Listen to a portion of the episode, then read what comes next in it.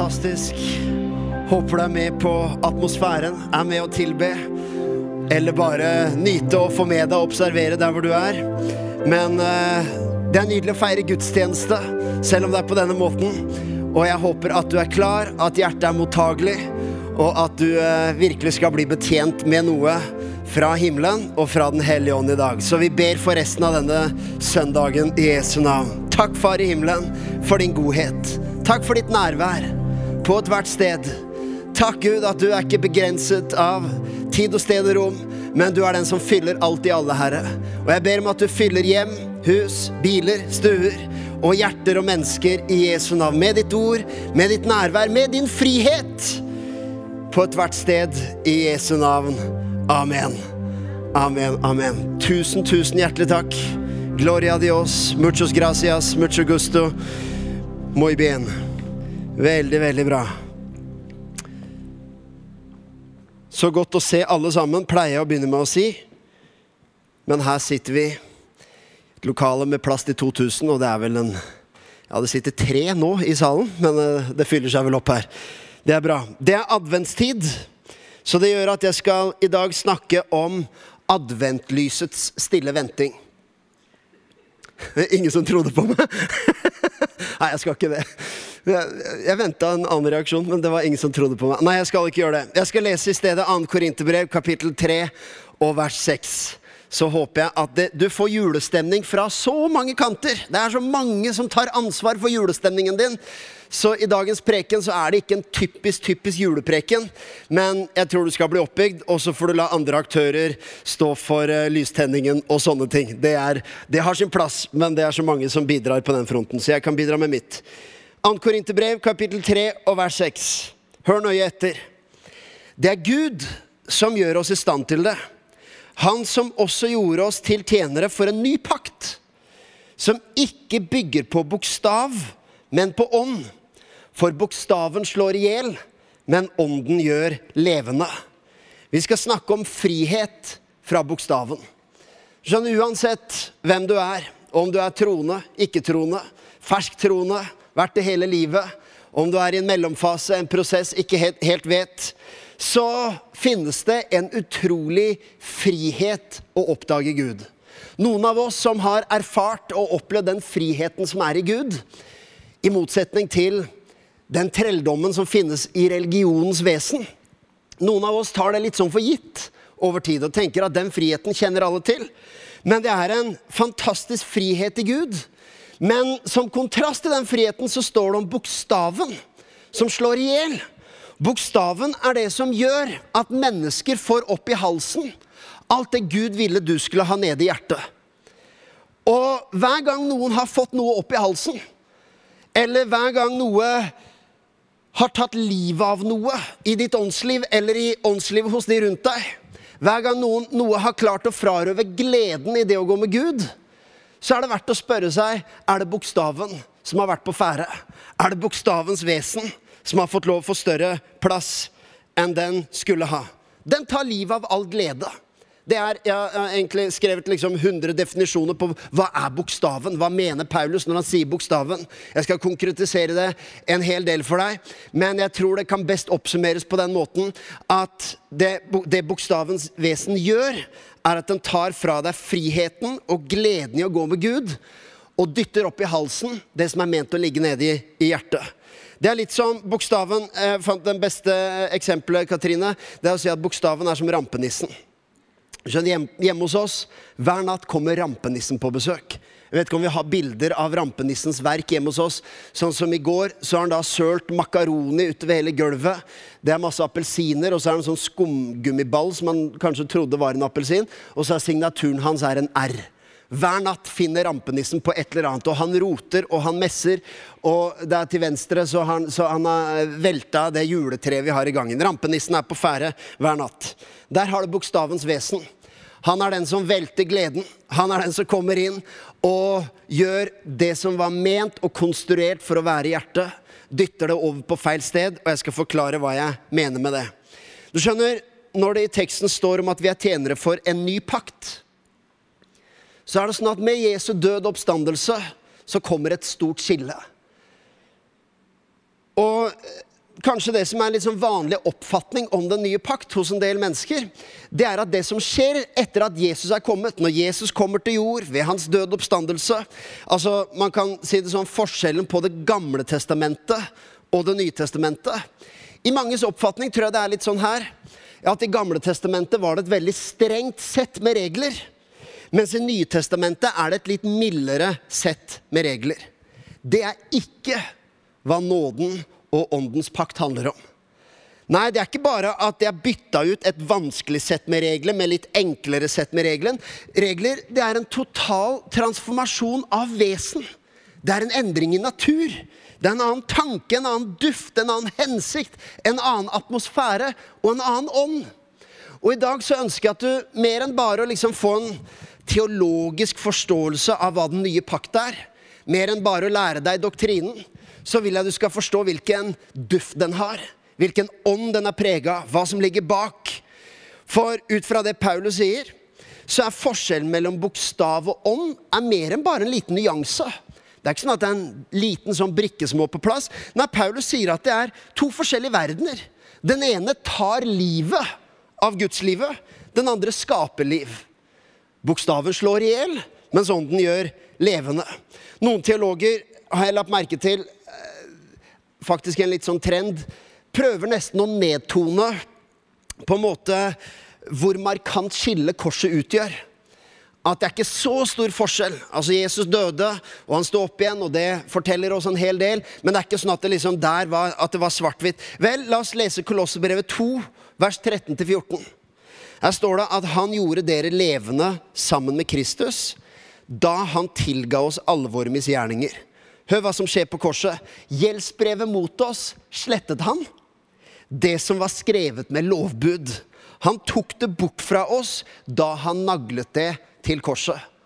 Det er i klartekst. Det skjer et skille ved korset. Korset er mer enn en symbolhandling. Det er mer enn en illustrasjon på, på kjærlighet eller selvoppofrelse. Det skjer et skille i den åndelige verden, hvor bokstavens pakt blir byttet ut med en ny pakt, som ikke er skrevet på steintavler, men som er skrevet på hjertets kjøttavler. Det står i Romerbrevet 7, vers 4 og 6. Slik er det også med dere, mine søsken. Gjennom Kristi kropp er dere døde for loven. Dette skjedde ved korset og ved oppstandelsen. Dere tilhører en annen, altså Kristus, han som er stått opp fra de døde, for at vi skal bære frukt for Gud. Men nå er vi frigjort fra loven, siden vi er døde fra det som holdt oss fanget. Og hør på den nydelige formuleringen slik at vi tjener i åndens nye vesen, og ikke i bokstavens gamle vesen. Det er en vesensforskjell som av og til på utsiden ikke alltid er like lett å se. Vet, Her oppe på, eh, på, i nærheten her, sånn, i Sagdalen, så er det et bygg som heter Kasjotten. Og det het Jeg vet ikke om det er hotelldrift der nå, men det, det, det het i hvert fall lenge Kasjotten hotell. Det er, eh, det er, vårt paradis i Sagdalen. I Skedsmo. Kasjotten hotell. Grunnen til at det heter Kasjotten, er fordi at det en gang var et fengsel. Det som er interessant, Bortsett fra de fem bokstavene, så er det på utsiden helt likt. Du kan ikke se, med unntak av de bokstavene hvor det står 'hotell', det er et åpenbart hint. Bortsett fra det så kan du ikke se om det er et hotell eller et fengsel, for det har vært begge deler. Men jeg kan love deg at det er en vesensforskjell å komme på å overnatte i et fengsel og overnatte på et hotell. De ansatte møter deg på en litt annen måte på et hotell enn i et fengsel. Alt er annerledes. Du er der av en ulik, en annen årsak. Du er der med en annen forventning. Jeg håper at du er på sånne hoteller hvor du ikke har forventning av å sitte i et fengsel. Men hele kontrasten altså den er enorm. Det er to helt forskjellige ting. Måtte sitte på cella eller sitte på et hotellrom. Men bygget er det samme. Strukturen er den samme. Den er på samme adresse. Og av og til er det litt sånn i forskjellen på bokstavens vesen og nådens vesen. På utsiden kan det av og til ligne litt. Det kan være på en måte hellige handlinger eller ytre gjerninger, gode gjerninger, positive gjerninger, som på utsiden kan to individer kan gjøre de helt likt, men er likevel drevet fram av to helt ulike krefter. Der den ene er drevet av bokstaven, kanskje drevet av frykt. Frykt for hva som vil skje hvis jeg ikke gjør den gode gjerningen. Frykt for hva de andre vil mene hvis jeg ikke gjør det. Frykt for å bli diskvalifisert hos Gud hvis det er sånn og sånn. Mens den andre er drevet fram av åndens nye vesen. Det går til og med an å formidle nåde. Du kan formidle den nye pakt med bokstavens vesen. Det er veldig lett. Jeg kan si 'du skal ikke være lovisk'. Loviske folk er noen idioter. Vet, bare, ved å, bare, ved den snakkemåten så tror jeg at jeg snakker om nåden, men det er ikke nådens vesen. Det er ikke åndens nye vesen. Jeg kan være teologisk korrekt, men det er ikke duften og atmosfæren av friheten og den nye pakts ånd som er der. Så mer enn bare å få tak i rett teologi, selv om teologien er viktig, så må du få tak i hvilken ånd er mitt gudsliv drevet av. For deg som ikke er troende, så vil jeg påstå at dette her er helt essensielt for å forstå hva kristen tro er. Og Det nye testamentet, det som kalles den nye pakt, det Jesus kom med, er mer enn bare et sett med litt mildere regler enn vi hadde før. Nei, det er en helt ny måte å tenke på som skiller seg ikke bare fra Gamle testamentet, men fra all religion. I dag skal jeg prøve å konkretisere det litt for deg. Som sagt, mer enn bare en læresetning og liksom masse bibelvers, så vil jeg prøve å pakke ut for deg litt praktisk og konkret. Hvordan ser det ut? Hva er det, hva er det som driver mennesker som, som, lever sitt åndsliv drevet av bokstaven? Og hva slags frukter og hva slags drivkraft er det som, som ligger i åndens nye vesen? Er du klar for det? Vet Noen tror at kanskje bokstaven, jo lov, det er loven, det er alt som har med alle forventninger, rammer og strukturer i noen som helst form, er lovisk. Nei, det er ikke tilfellet.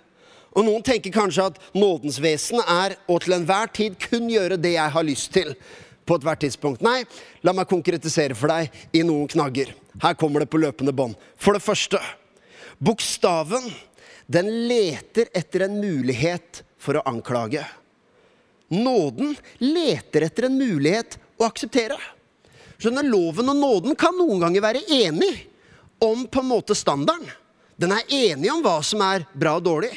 Det er bare at bokstaven leter etter en mulighet å finne feil. Der nåden leter etter en mulighet å ta med inn. Det står i Johannes 8,6 om fariseerne, som var drevet av bokstavens religion. Det står om dem om at uh, dette er i den, den fortellingen hvor Jesus Jesus uh, hjelper en kvinne som er blitt grepet i en eller annen ugjerning, og, og, hvor Jesus sier at den som er uten synd, kan kaste den første stein. Men det står om fariseerne at dette sa de for å sette ham på prøve, så de kunne få noe å anklage ham for. Det er interessant. De leita etter et eller annet.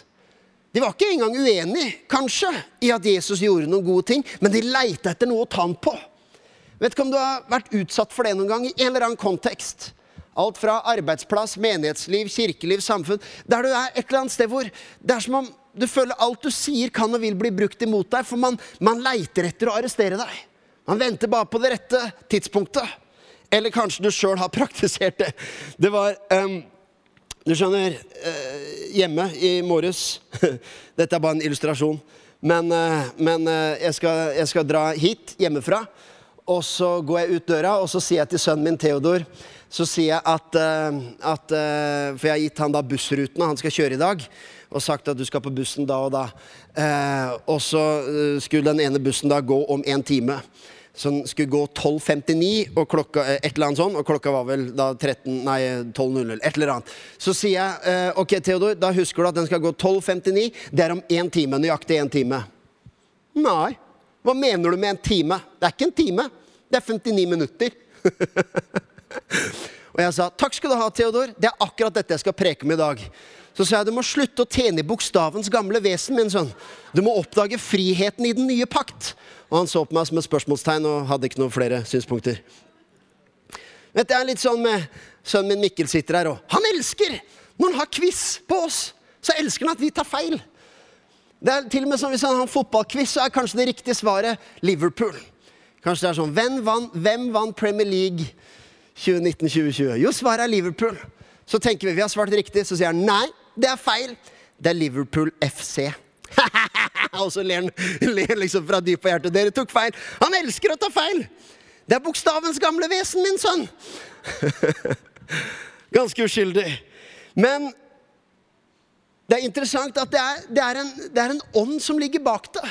Som ligger i mennesket, og den kan ligge der på mange arenaer. Jeg, jeg legger merke til at i politikken så er det nesten som man må være drevet av litt den derre eh, Man må leite etter å finne feil overfor sine motstandere. Det er noe av politikkens vesen.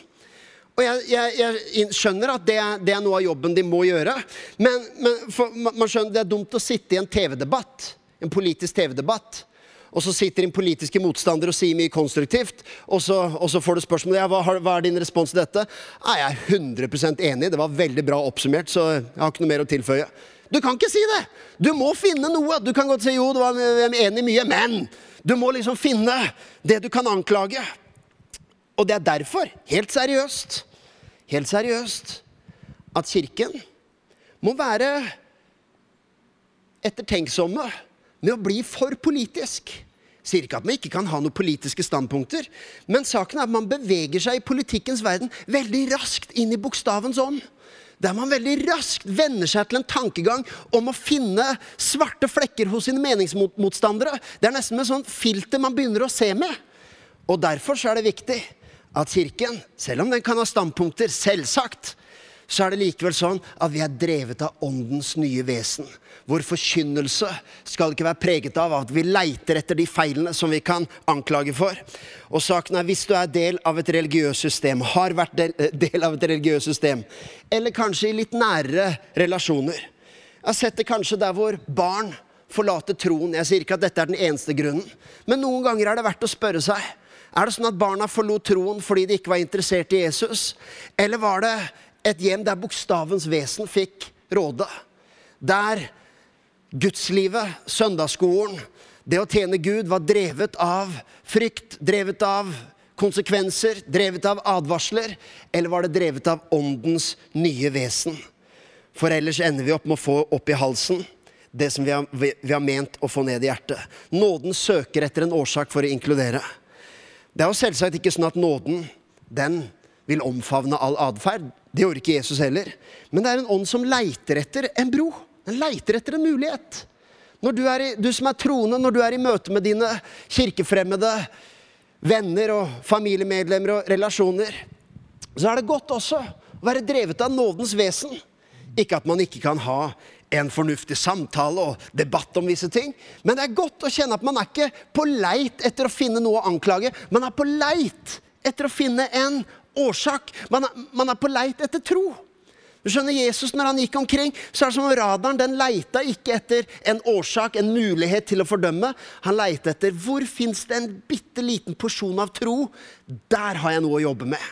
Der har jeg liksom et sted jeg kan feste broa fra mitt hjerte til den andre.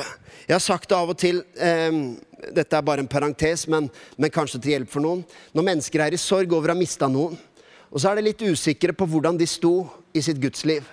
Og så hender jeg får spørsmålet, Thomas, hva tror du? Tror du min mor eller den og den er i himmelen nå? For jeg vet ikke helt hvor de sto. Vel, jeg kan ikke med Bibelen i hånd garantere alle mennesker er i himmelen. Men én ting vet jeg. Av Guds hjerte leiter ikke etter en mulighet for å diskvalifisere. Den radaren gikk alltid på leting etter tro.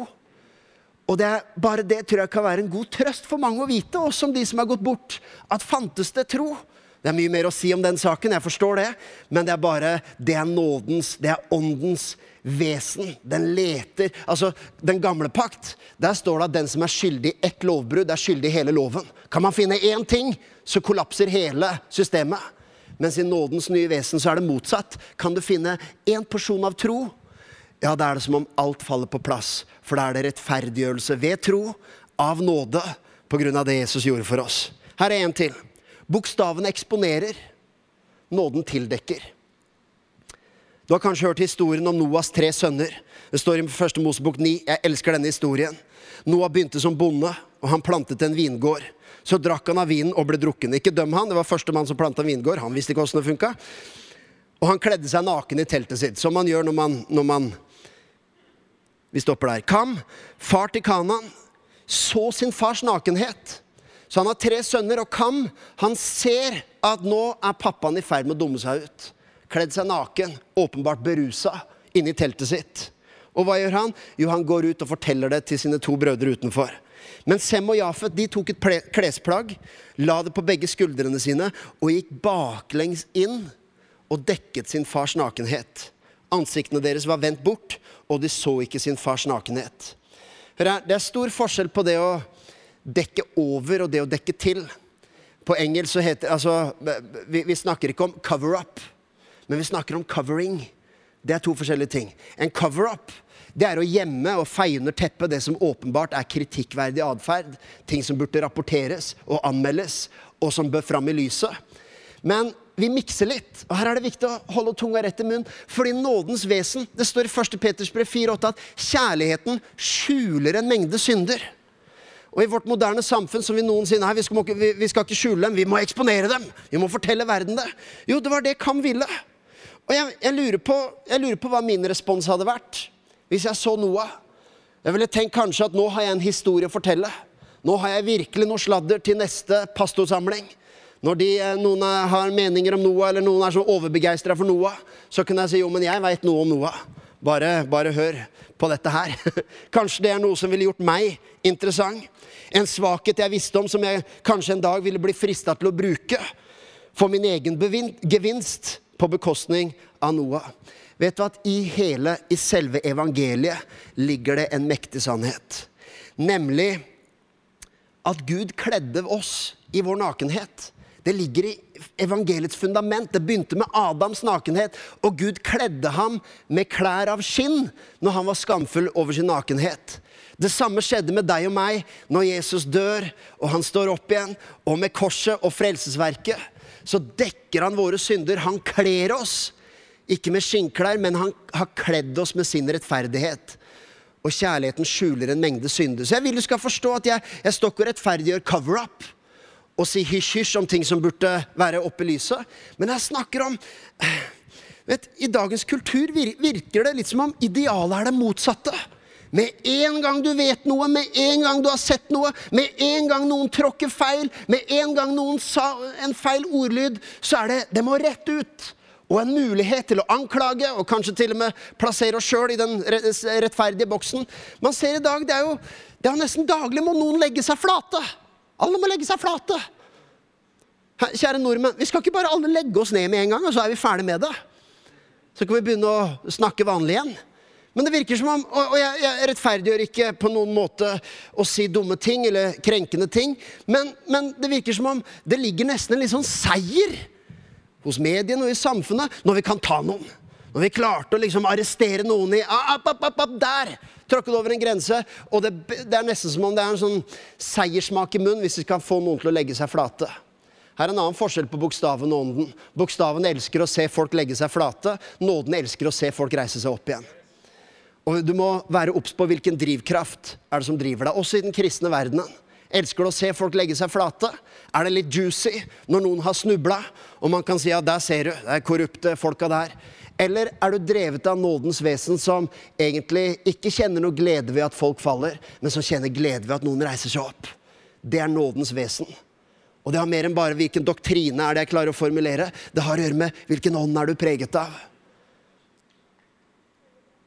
Det ligger storhet i å skjule andres nakenhet, og det ligger en refleksjon av evangeliet, at Gud tildekket oss, og vi kan tildekke hverandre.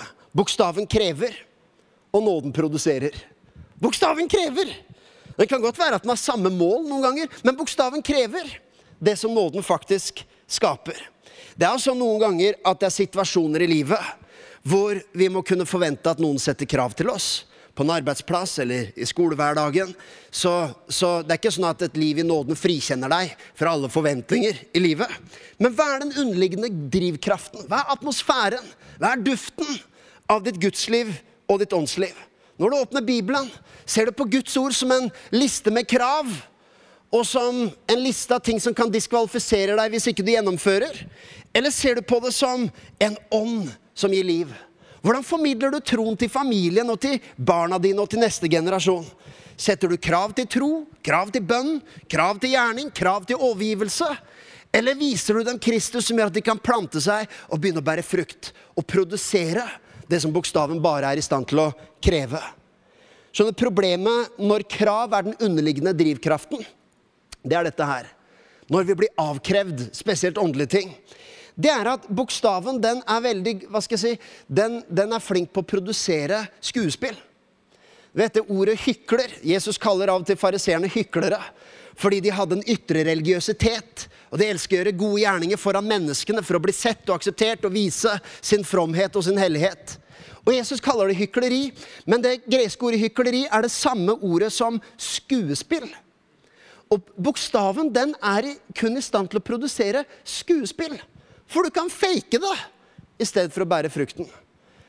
Bokstaven i eksempelet med epler den krever at du skal produsere epler. Vis meg at du har epler. Vel, da kan du gå og kjøpe det, du kan stjele det, du kan fake det, du kan skaffe det. Mens det nåden gjør, er at den slår røtter og begynner å produsere det.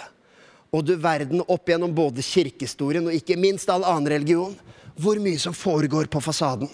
Hvor mange gjerninger og hvor mye frukt som er der, ikke fordi det er produsert fram av et hjerte, men det er vist fram for å innfri kravene.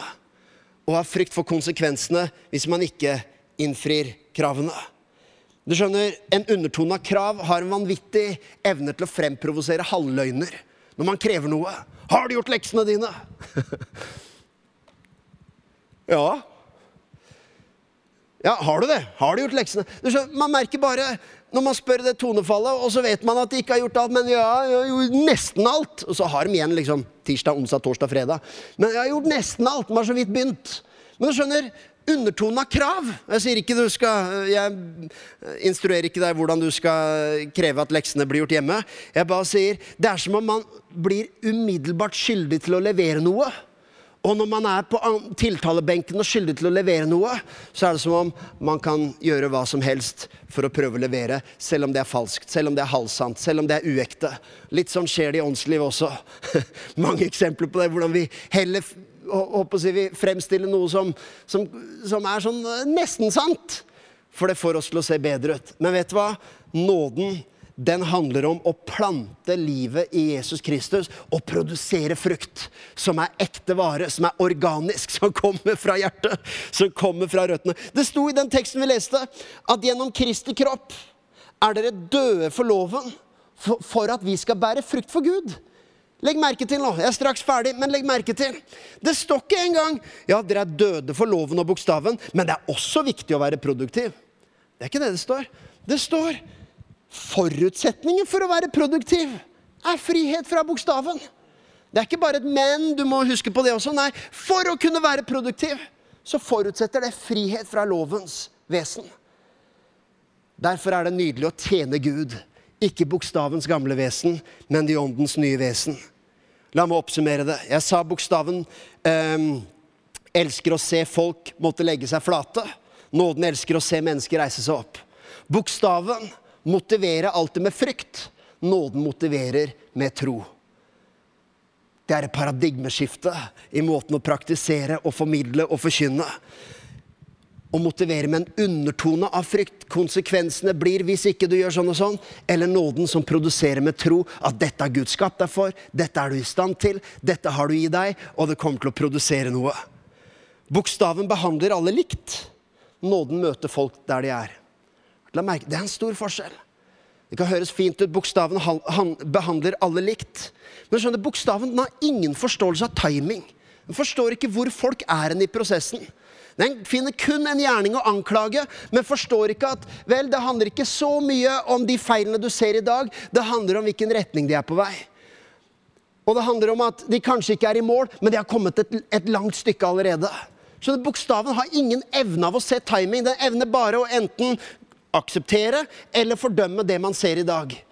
Mens du skjønner, nåden den møter mennesket der hvor de er. Bokstaven så Sakkeus. Kunne bare si en kjeltring, en kriminell, en forræder. Det var alltid klart å se. Jesus så de samme tingene, men nådens øye, den ser ikke bare liksom eh, Den behandler ikke alle likt. Nei, den møter Sakkeus og deg og meg der hvor vi befinner oss. Det er ikke sånn i evangeliet at samme forventninger eller samme rammer gjelder alle troende. Evangeliet er på en måte, det er ikke kommunistisk. Det er ikke sånn at alt blir likt. Hvis du gjør en feil, og du gjør en feil, og du gjør sånn, og du gjør sånn, alle må gjøre sånn.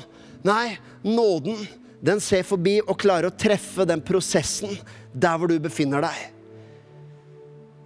Det fins ulike behov av nåde vi har. Og for deg som hvor ditt trosliv og ditt gudsliv er i grøfta av ulike årsaker, enten fordi du sjøl har vendt ryggen til Gud, eller ting har presset seg på deg som gjør at du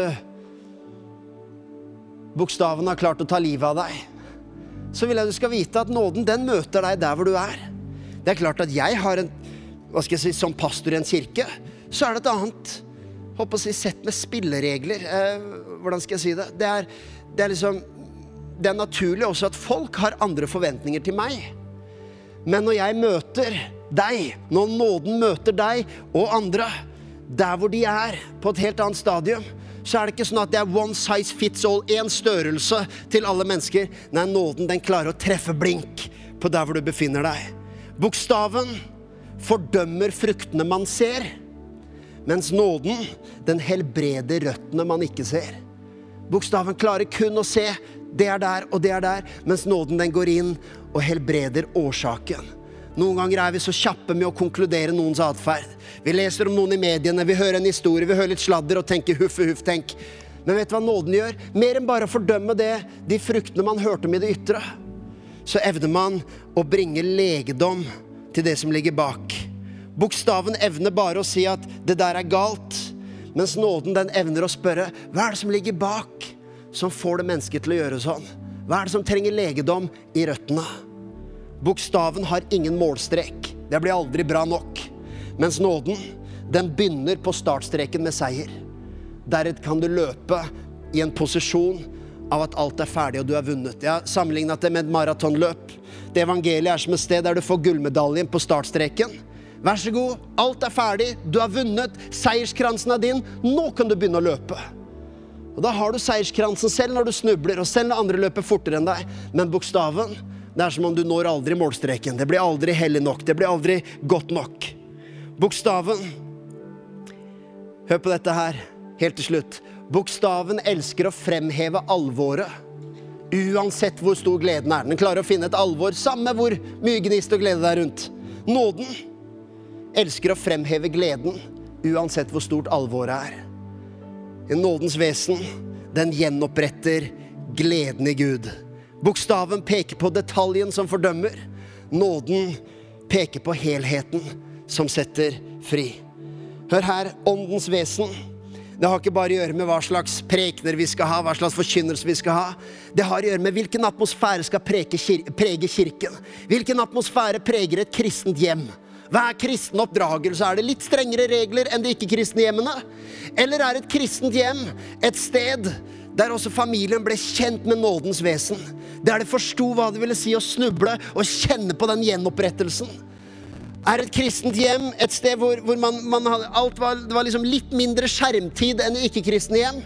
Eller er det et kristent hjem der man forstår hva nåde er, hva åndens vesen er for noe, og gjenopprette gleden i det å gå med Gud? For deg som har mista gleden i å gå med Gud, mista gleden i kristenlivet, mista gleden i kirkelivet, mista gleden i en eller annen dimensjon i ditt liv med Gud. Jeg lurer på om ikke et eller annet sted at det er bokstaven som har fått lov å ta livet.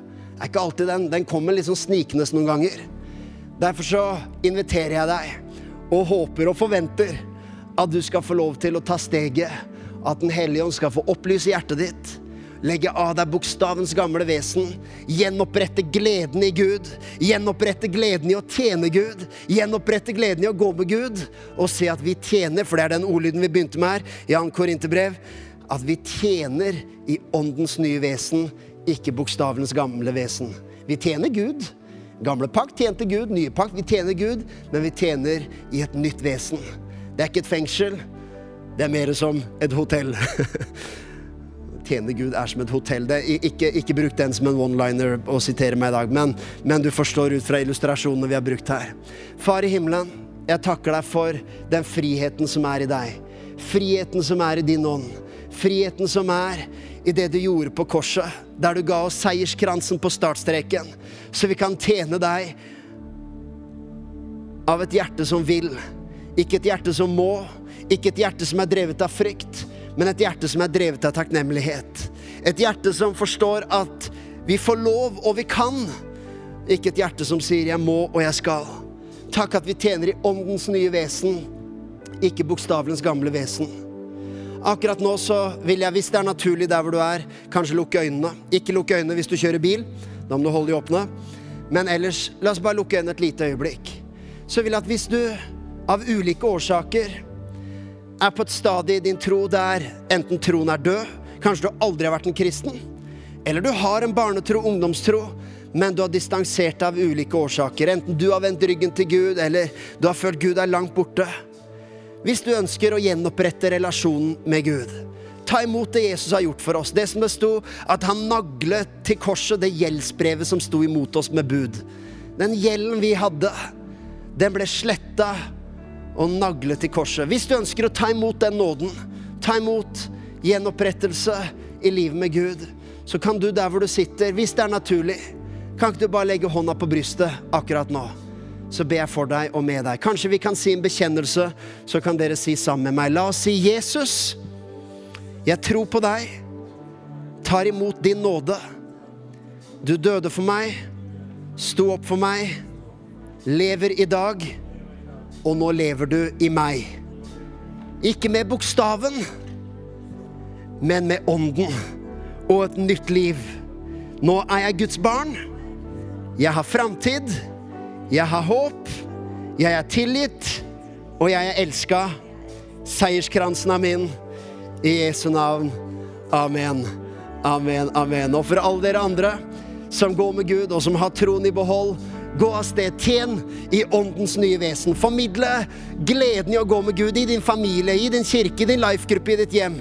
Oppdag hvilken gnist og hvilken duft og hvilken ånd og hvilken atmosfære det er av åndens nye vesen, og ikke bokstavenes gamle vesen. Gud velsigne deg rikelig. Gå i fred. Vær velsigna på ethvert sted hvor du er. God jul til deg som vi ikke ser igjen før, før den tid. Men jeg håper ordet har vært i oppbyggelse.